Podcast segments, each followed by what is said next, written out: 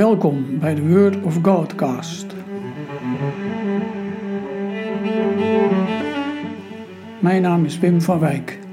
In deze podcast hoor je elke aflevering een meditatie over een Bijbeltekst, afsluitend met een kort gebed.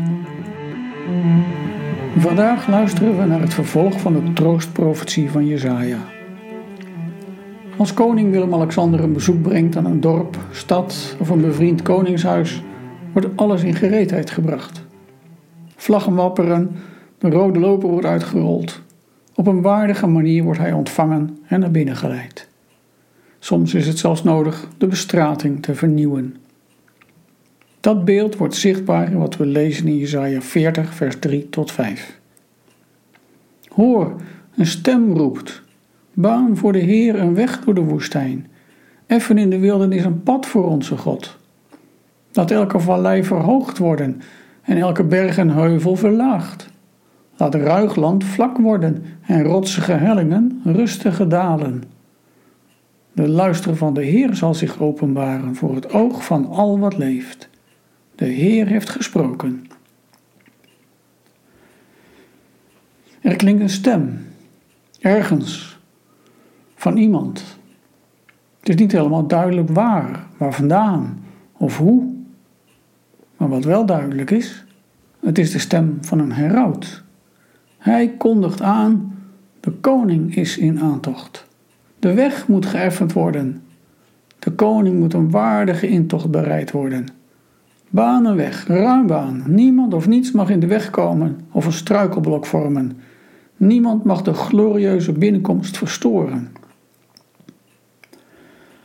Maar waarom door de woestijn en in de wildernis? De komst van de Heer wordt hier getekend naar het patroon van de Exodus uit Egypte. De terugkeer uit de ballingschap gaat door de wildernis en door de woestijn, op weg naar het beloofde land. Want daar wil God wonen. Daar wil Hij zijn volk ontmoeten. In zijn heiligdom wil Hij zijn heerlijkheid laten zien. Hoe bereid jij je voor op die ontmoeting met Hem? Je kunt denken aan hoe je je voorbereidt op de kerstviering. Gods zoon komt eraan. Nee, niet glorieus, niet met pracht en praal. Gods heerlijkheid is verborgen aanwezig. Ik denk daarbij aan hoe het in een gezang verwoord is. Een hart dat wacht in ootmoed is liefelijk voor de Heer. En wie vraagt naar zijn gebod en bidden blijft en waken, in hem wil woning maken het heil, de Zoon van God. Dat is een innerlijk gebeuren. In je hart bereid je je voor. Alle barrières tussen jou en God moeten opgeruimd worden. Ootmoed, bidden, wachten, gehoorzaamheid. Dat is wat je nodig hebt om de koning waardig te ontvangen. Maar je kunt het ook niet alleen maar in je hart lokaliseren. Als God licht laat zien in zijn heerlijkheid, dan kan het ook niemand ontgaan. Voor het oog van al wat leeft zal de luister van God zichtbaar zijn. Maar dan is het wel de vraag: herken je dan in het geboren kind van Bethlehem die luister van God? En hoe kun je dat dan herkennen? En hoe kunnen alle mensen het dan zien? Twee dingen daarover. Denk in de eerste plaats aan Gods volk. Als het terugkeert uit ballingschap naar het beloofde land, dan is het alsof ze dromen. Ze wrijven zich de ogen uit. De Heer heeft iets groots aan ons gedaan. Ze hebben de luister van God herkend.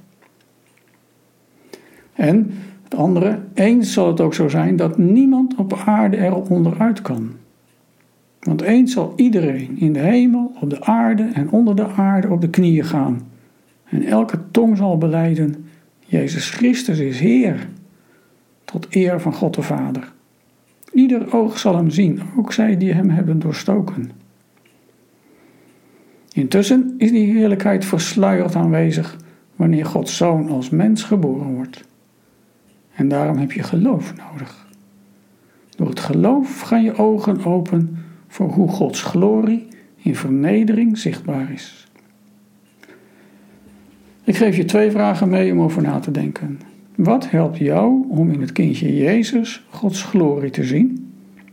En ten tweede, hoe bereid jij je voor op de definitieve terugkomst van Jezus? Gebed. Heer, laat uw glorie voor alle mensen zichtbaar zijn, zodat ze zich bekeren en Jezus aanbidden als Heer en Koning. Amen. Thank you.